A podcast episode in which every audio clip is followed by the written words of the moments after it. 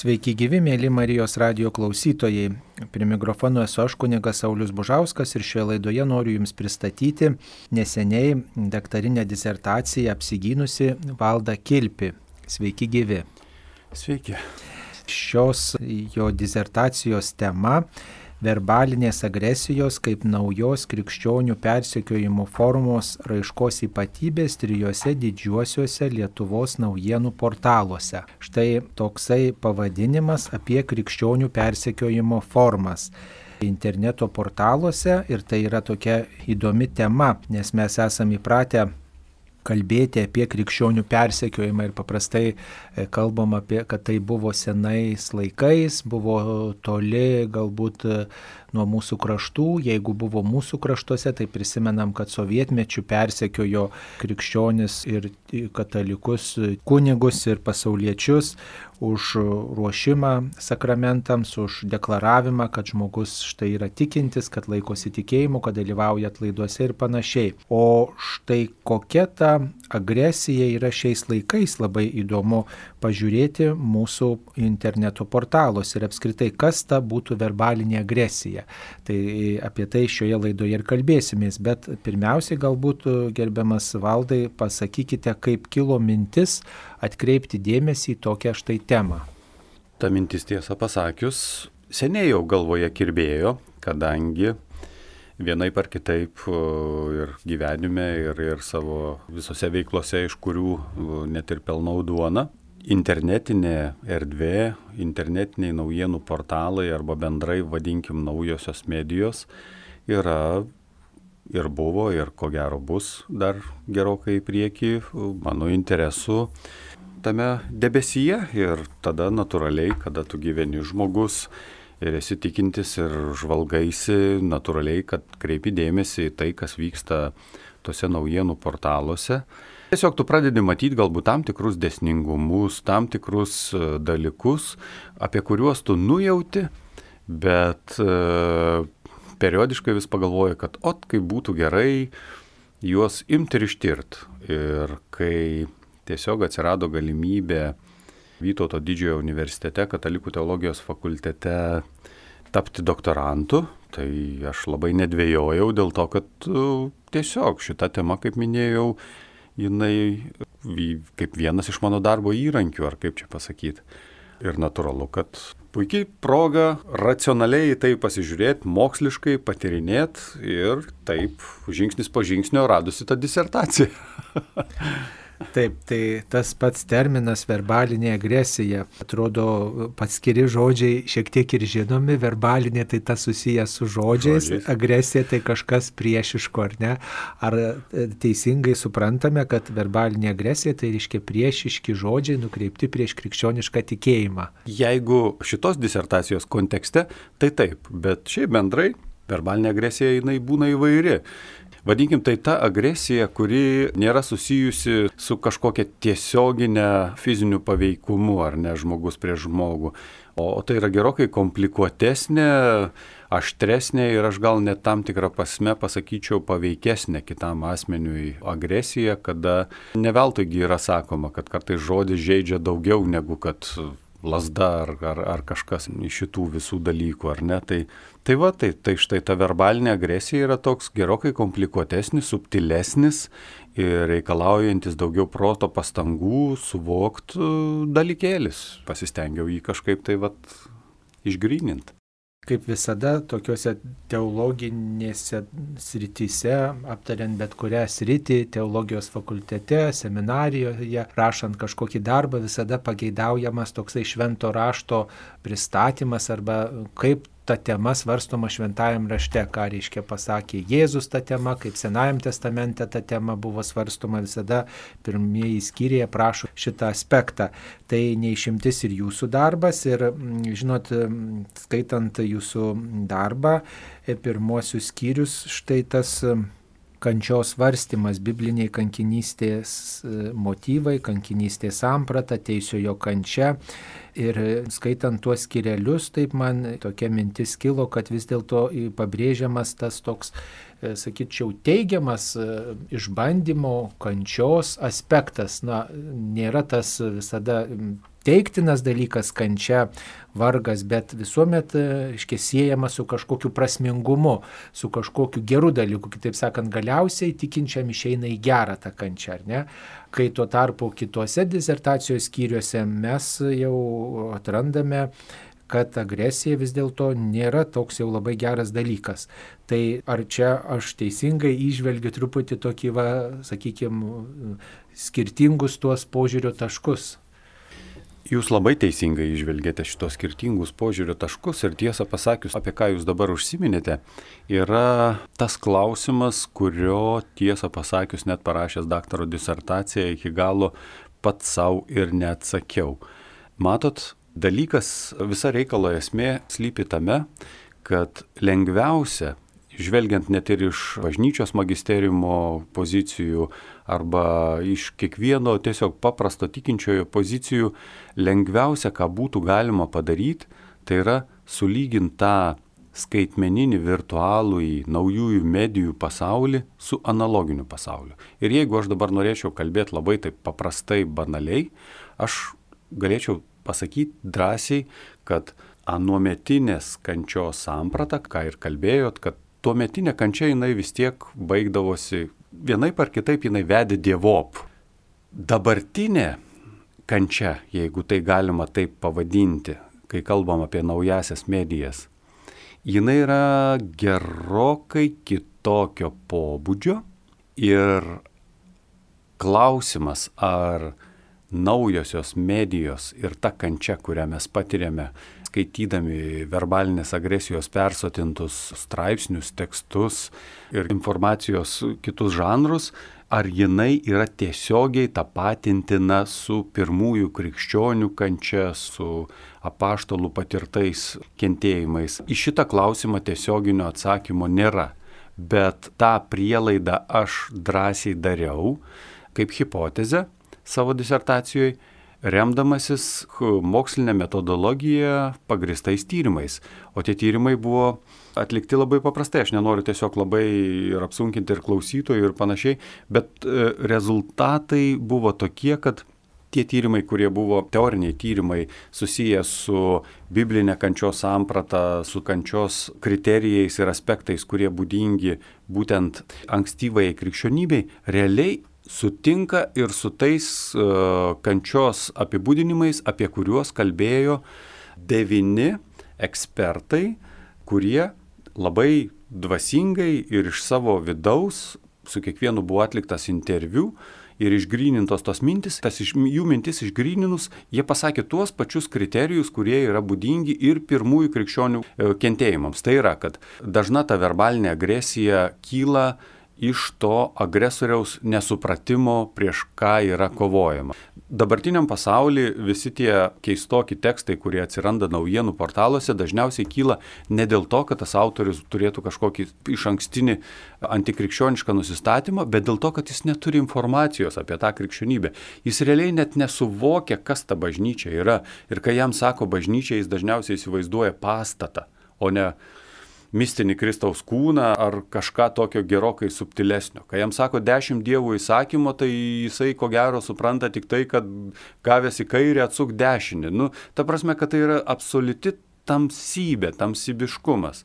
Grįžtant prie pradinės minties, tai sakykime, va, šitas kriterijus, kad ta agresija kyla iš tamsybiškumo, kad jinai naudojasi to meto valdžios arba galios įrankiais. Tai irgi yra lygiai tas pats būdinga anų metų, sakykime, senovės Romos prokuratoriai, tas pats Poncijus Pilotosgi buvo realiai senovės Romos valdininkas, kuris tuo metu turėjo nuspręsti vienokį ar kitokį klausimą kilusi jam. O kas vyksta dabar? Dabar irgi taip pat vadinamoji ketvirtoji valdžia, žiniasklaida iš principo labai dažnai tapatintina būtent su valdžia. Ir reiškia, ta verbalinė agresija kartais būna ir koordinuojama.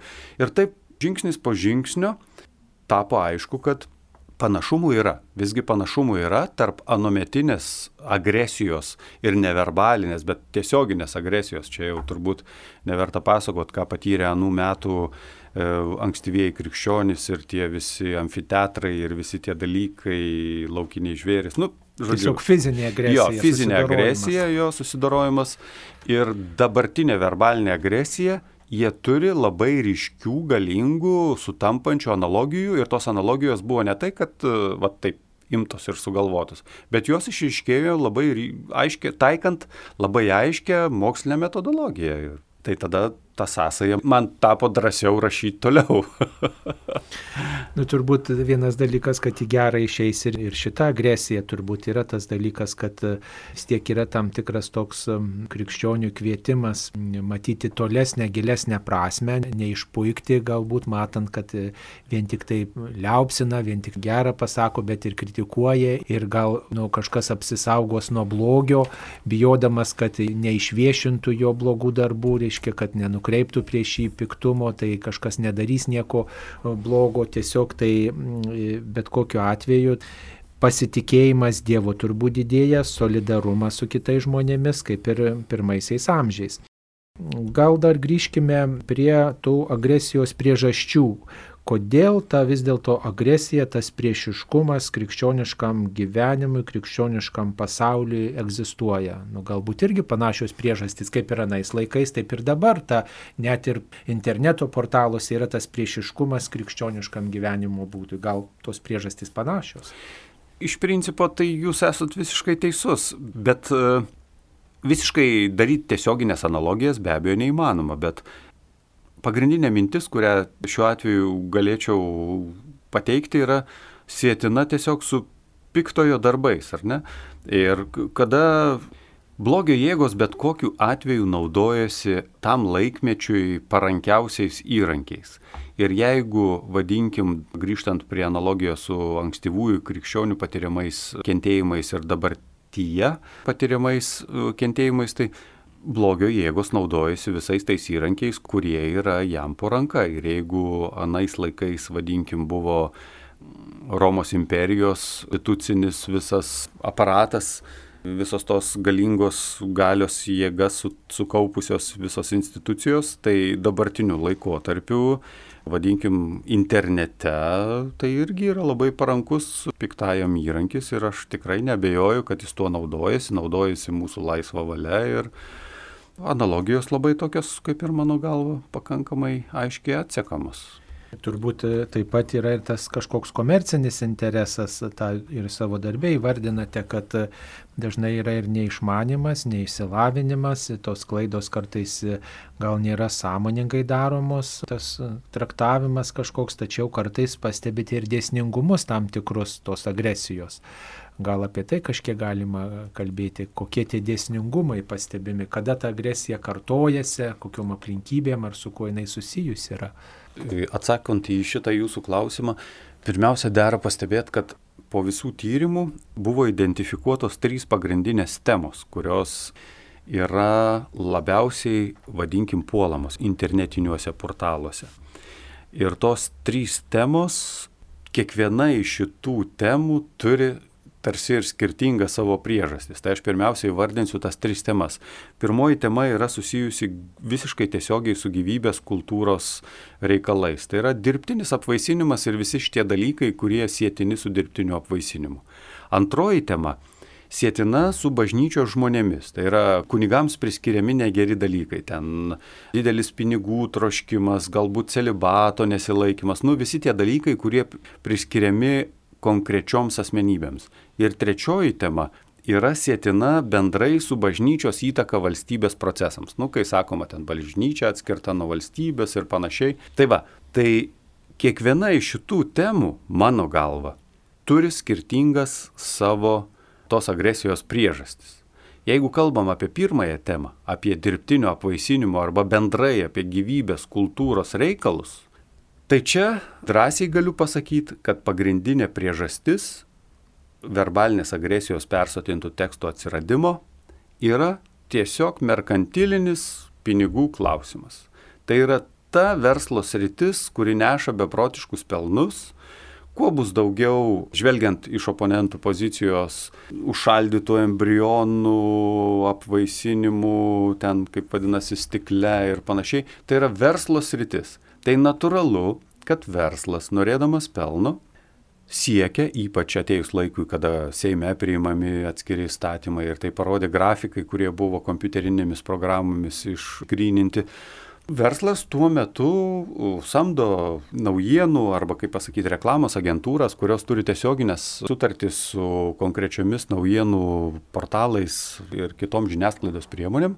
Ir viešąją erdvę užplūsta tekstai, kurie yra E, labai aiškiai antikrikščioniški, kurie sako, kad embrionas tai nėra gyvybė, kurie sako, kad ir su krikščionybės e, pažiūromis besikertantis dirbtinis apvaisinimas yra gėris. Tai sakykime, tai yra pirma tokia reikalų grupė. Antroji reikalų grupė, kai liečiama konkrečiai bažnyčios žmonės, kai vienas ar kitas kunigas ten padarė, jeigu padarė kažkokį prasižengimą, tai čia yra tiesiog skandalo paieškos Ir tai čia kalbame apie visai kitas priežastis, dėl ko tekstai atsiranda naujienų portaluose. Tai yra tiesiog paieška skandalo, o skandalas sulaukia daugiau skaitomumo, o daugiau skaitomumo reiškia daugiau klikų arba paspaudimų, o daugiau paspaudimų reiškia daugiau reklamos gavėjų.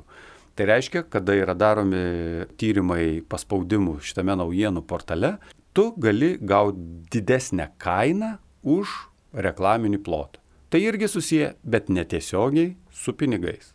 Tiesiog. Ir šitoje temų grupėje mes susidurėm su situacija, kada bet kas, ar kunigas, ar, nu bet kas, tai būtų, kas sukels skandalą, naujienų portalams yra labai uh, lauktina medžiaga.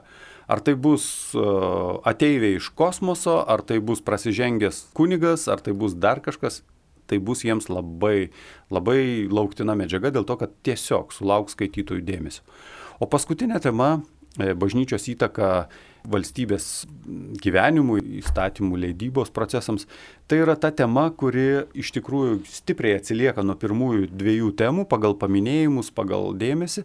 Ir jinai tiesiog atsirado dėl to, kad, nu, tiesiog tai yra nuolat linksniuojama. Jinai neneša pelno. Tai yra tai yra tokia labai bendra ir, ir tokia, sakyčiau, nu, dėl to jinai ir trečia ta tema. Skirtingi interesai turbūt. Jo. Galbūt ir, Taip. arba tas įtakos sferom gal noras pasiskirstyti, jo. dėmesį pritraukti, galbūt irgi tuo norima. O kokios yra pasiekmes verbalinės agresijos apskritai klausytojams, skaitytojams? Čia jūsų klausimas vertas turbūt antros disertacijos. Tiesą pasakius, kai galvojau apie šitą disertaciją, galvojau, kad bandyt patirinėti ir pasiekmes. Bet e, susidūręs su tokiu milžinišku kiekiu duomenų, aiškiai suvokiau, kad e, viename darbe to apriepti neįmanoma. Tai aš aišku galiu dabar bandyti kažką pasakyti, bet, bet tai nebus uh, disertacijos teiginiai, tai bus tiesiog mano kaip valdo ar net kažkokie subjektyvūs pamastymai. Pasiekmes įvairios bet kaip sakė žmonės, ekspertai, su kuriais teko atlikti tuos interviu, dalykas yra labai paprastas. Kai mes kalbam apie naujasias medijas, tai nėra nei televizija, tai nėra nei laikraštis. Tu turi laisvę tą verbaliai agresyvų tekstą arba skaityti, arba neskaityti. Ir ką paminėjo būtent šitie ekspertai, kad dėl savo darbo pobūdžio, dėl savo galbūt mokslinių interesų, jie yra priversti juos skaityti. Bet mes turim laisvą valią šitų prastų ir įtaką mums darančių tekstų, mes juos turim, galim tiesiog ignoruoti. Ir jeigu tu pamatai, kad tu susiduri su tamsybiniu kažkokiu reikalu, tau visiškai nėra jokio reikalo kištrankas į visą tą patį žinot ką kalbėti apie įtaką e, reikėtų pradėti nuo to, kad pirmiausia klausimas kyla, ar tu žengi žingsnį į tą bjaurastį, ar tu nežengi. Tai štai yra pirmasis klausimas. Nes e, kalbam visgi, pasikartosiu apie naujasias medijas, kurios leidžia pasirinkti. Tai nėra prisektas prie kėdės žmogus, kuris priversta žiūrėti televizorių, kuris jam kalba prastus dalykus. Tai yra kompiuteris, tai yra monitorius, tai yra pelė po ranka ir tu gali spustel taip arba kitaip. Tai čia yra pirmas dalykas. Ir jeigu jau yra nuspręsta eiti gilin, tai tada kyla klausimas vėlgi dėl tikinčiojo samoningumo. Dėl ko tu tai skaitai? Nes tam tikrą prasme tokių tekstų skaitimas gali būti prilygintinas ir pornografijos žiūrėjimui. Kodėl tu lendi ten, kur jeigu iš esmės supranti, kad tai yra tau nu, kad tai tau gėrio kažkokio, kažkokio dvasinio peno, jeigu tu esi visgi apsisprendęs už gerumą, tau tai net neš. Tai ko lysti ten? Na, dažniausiai žmonės skaito tokius tekstus iš smalsumo, iš noro sužinoti, o kaip buvo iš tiesų, nes vis tiek žiniasklaida mes turim tą lūkestį, kad jinai skleidžia tiesą, jinai informuoja, jinai supažindina, niekas kitas nepasako už tai, kad yra agresyviai, bet supažindina vienai par kitaip apie vieną ar kitą dalyką, tik galbūt iš tokios neigiamos pusės. Čia, matot, susidurėm su dar viena iliuzija, kuri turėtų būti, aš manau, suvokta taip truputėlį plačiau suvokta. Žiniasklaida yra verslas, pirmiausia. Ir jeigu mes iki šiol dar gyvenom tom iliuzijom, kad žiniasklaidos tikslas yra užtikrinti demokratiją, supažindinti e, žmonės su tikraja tiesa, padaryti dar kažkokį tai gerą darbą, ypač kalbant apie didžiuosius žiniasklaidos magnatus, žiniasklaidos grupės, tai šitos iliuzijos jau seniai dėrėtų atsikratyti. Aš nekalbu apie tokius resursus interneto kaip Bernardinai, LT ar panašiai.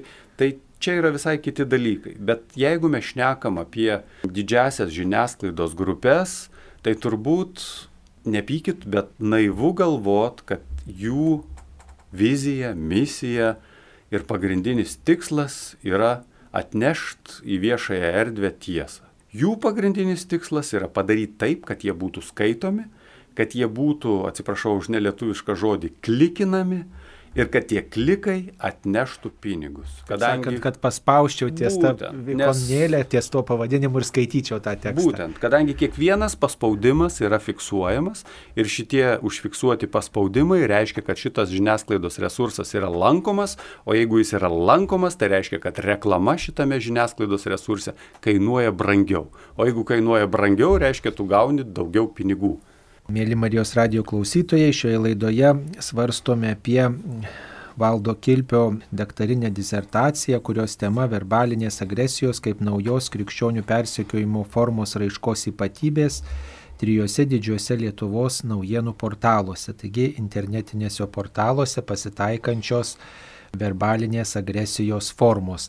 Beje, kiek jos yra dažnos, ar tikriausiai savo darbę išvedė tam tikrą formulę, kas kiek laiko pasitaiko tos verbalinės agresijos formos, kitaip sakant, tas puolimas prieš krikščionybę, prieš bažnyčią, prieš konkretų krikščionį, kunigą, vyskupą konstatuojama, paniekinama, kad štai jis yra tikintis ir, ir svarstoma negatyviai krikščioniško gyvenimo aspektai koks dažnumas? Bent jau išdalinus ekspertų pasisakymus ir uh, į kategorijas, subkategorijas, vėlgi čia tokie pakankamai galbūt uh, ne visai įdomus ir nuobodus uh, moksliniai dalykai, metodologija, tapo aišku, kad trijose didžiausiose naujienų portaluose praktiškai kas antrą dieną, jeigu portalų naudotojas skaitytų visą medžiagą, jis susidurtų su antikrikščioniška informacija. Praktiškai kas antrą dieną tu gali rasti viename iš trijų naujienų portalų kažkokį tekstą, kuris sąmoningai, nesąmoningai bus antibažnytinis. Mano galva tai nėra mažai, bet kita vertus, vėlgi grįžtų prie ankstesnės minties, kiekvienas turim laisvą valią. Štai rašydamas darbą galbūt ir susidūrėte su tokiu vertinimu viso konteksto, kiek yra tos verbalinės agresijos prieš e, kitas rytis, ne tik tai prieš krikščionis. Ar čia yra mūsų ta informacija, daugiausiai tos negatyvios informacijos prieš krikščionis, ar ir, sakykime, ir prieš kitas rytis yra? Čia labai tikslus ir labai teisingas klausimas. Matot, prieš atsakant jį tiesiog noriu pasakyti, kad ir, ir dar kartą pasikartoti, kad kalbant apie ypatingai naujasias medijas arba internetinę žiniasklaidą, pirmas dalykas, kurį turim suvokti, kad šita žiniasklaida ypatingai reikalauja ir siekia naudotojų dėmesio. Ką tai reiškia? Tai reiškia lygiai tą patį, ką jau sakiau ir šiek tiek anksčiau. Reikia surasti tas temas, kurios sukoncentruos auditoriją ir, ir auditorija įeis į būtent šitą ar kitą tekstelį, paveiksliuką ar dar kažką, kas ten bebūtų, ikoną. Naturalu, kad tada redaktoriai bando identifikuoti labiausiai pozityves temas arba tas gyvenimo sritis, kuriuose skandalas bus labiausiai netikėtas, sulauks didžiausios skaitytojų, naudotojų reakcijos. Ir bažnyčia šitame kontekste yra idealus taikinys, kadangi tai yra kunigai, viskupai, vienuoliai, jeigu kas nors, nedaug dievė, prasižengia, taigi tai yra skandalas šimteriopai didesnis negu kad tokį pat darbą būtų atlikęs koks nors tiesiog eilinis žmogus, ar ne? Tai reiškia, kad tu sulauksi būtent reakcijos, tu sulauksi skaitytojų. Ir grįžtant tada prie jūsų klausimo, jūs sakot, ar kitos rytis sulaukia? Sulaukia, taip. Jeigu pavyzdžiui, dabar galvoju, kokį čia pavyzdį paimti, kad ir kuris nebuvo be abejo tirtas būtent mano disertacijos rėmuose, bet kuris, sakykime, būtų toks rezonansinis, sulaukęs nemažo dėmesio. Nu, tarkim, medžių kirtimas. Medžiai lietuvio sąmonė yra tarsi gyvastis ir panašiai. Ir tas visas radikalus pasipriešinimas prieš medžių kirtimą, nu iš tiesų ilgą laiką buvo internetinės žiniasklaidos antraščių viršūnėse? Kodėl? Todėl, kad tai sulaukia dėmesio. Tiesiog. Tad e, kitą kartą, kai šneki ir su bažnyčios žmonėmis, ir su žmonėmis, kuriems iš tiesų e, rūpi mūsų tikėjimas, aš e, negaliu atsikratyti ir to tokio noro šitiem žmonėm, kaip sakyt, paaiškinti. Kartais mūsų bažnyčia yra puolimo taikinys ne dėl kažkokių dogmatinių dalykų, kad ten konkrečiai dėl tikėjimo, ar ne, dėl, dėl, dėl to, kad e, Jėzus yra Dievas, kažkokių tokių dalykų, ant kurių stovi visas mūsų tikėjimas. Bet dažniausiai bažnyčia taikiniu tampa dėl to, kad jinai yra ta institucija, ta esybė, tas mistinis Kristaus kūnas, kuris turi labai aiškias vertybės kurios tarsi stulpai, tarsi vėliavos plevesuoja savo vietoje ir bet kas, kas tik pabando, tarsi koks šunytis keuktelėt ant to, jisai sukelia kažkokį tai skandalą, o tas skandalas kitų šunyčių yra tik ir laukiamas. Jį reikia pasičiupti, pasimti ir panašiai. Ir jeigu, sakykime, kokia nors miškų apsauga, irgi lygiai taip pat tvirtai stovėtų ten gamtos apsauga savo vertybių gynyboje, savo tose, nu, kaip stovi bažnyčia, kalbant apie gyvybės kultūrą, apie tuos dalykus, kurie, kaip sakau, sudaro mūsų tikėjimo pagrindą ir esmę, tai jie sulauktų lygiai tokio pat polimo.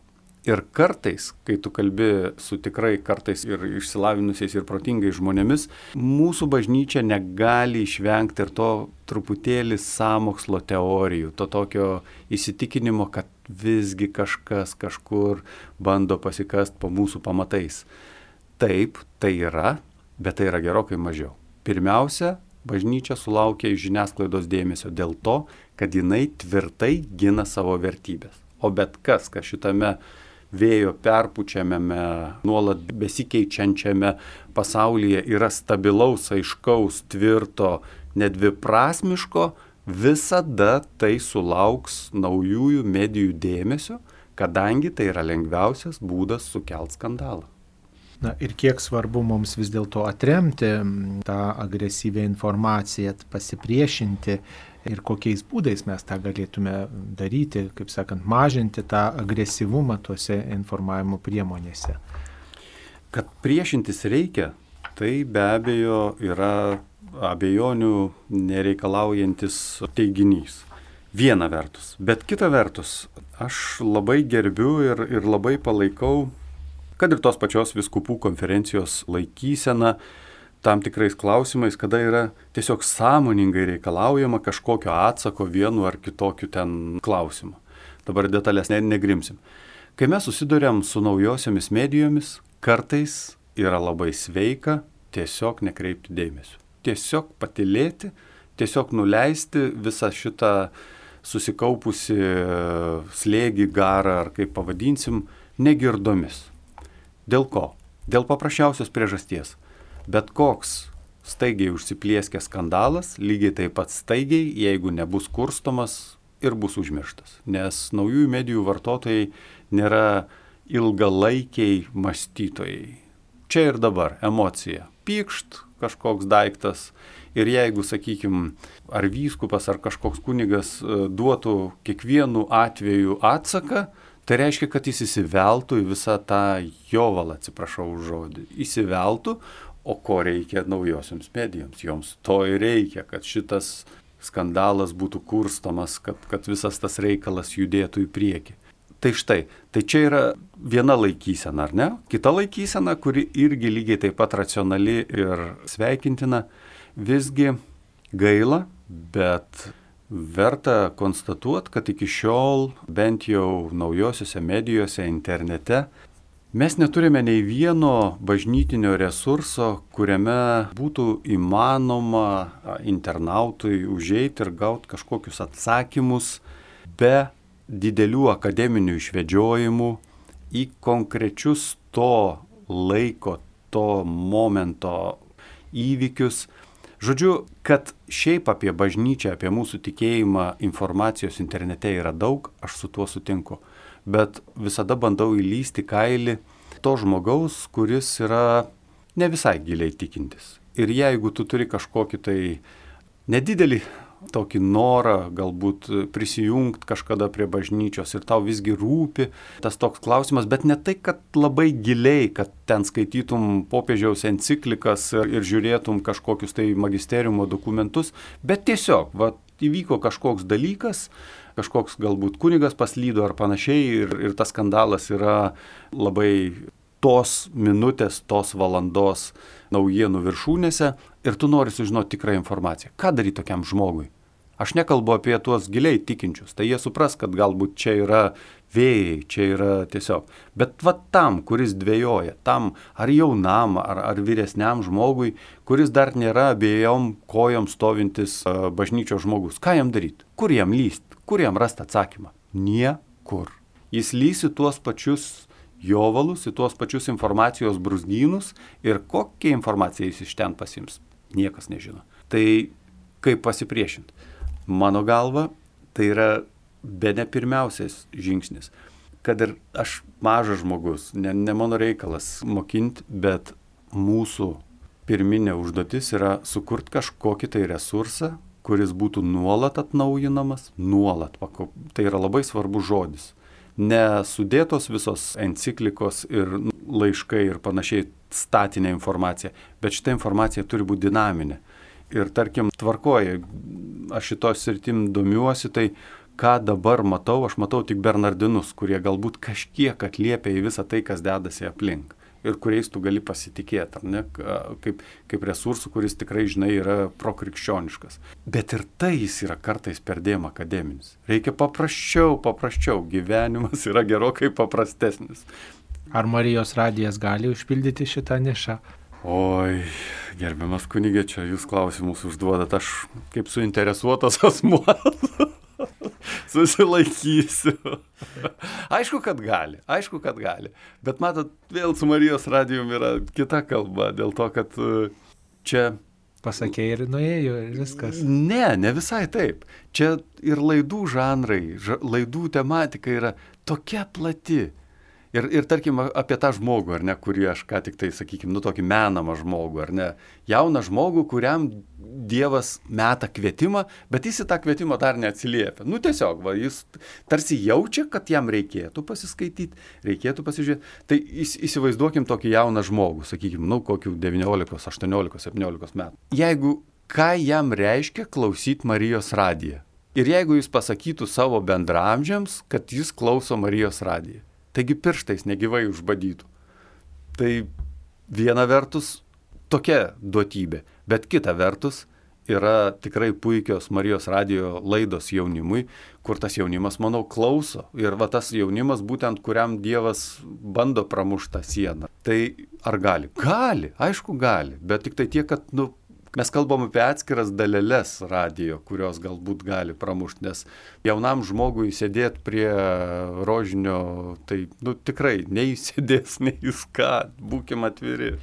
Na taip, interneto portalai yra visiškai kitas žanras. Taigi, mėly Marijos radio klausytojai, kalbėjome šioje laidoje su Valdu Kilpiu, apsiginusiu dizertaciją Vytauto didžiojo universiteto katalikų teologijos fakultete. Dizertacijos tema - verbalinės agresijos kaip naujos krikščionių persikiojimo formos raiškos ypatybės trijose didžiuosiuose Lietuvos naujienų portaluose. Taigi verbalinės agresijos formų gausu interneto portaluose ir esam kviečiami atpažinti ir nuspręsti, ar mums verta gilintis į tuos priešiškumu negatyvumu pasižyminčius tekstus, žinias ir ar galime tikrai apriboti save nuo tos negatyvios informacijos, kuri mumyse didina nepasitikėjimą galbūt, tokį bejingumą, nutolimą ir nuo krikščioniško gyvenimo. Šioje laidoje valda Kilpi kalbino aš kunigas Saulis Bužauskas. Visiems linkiu,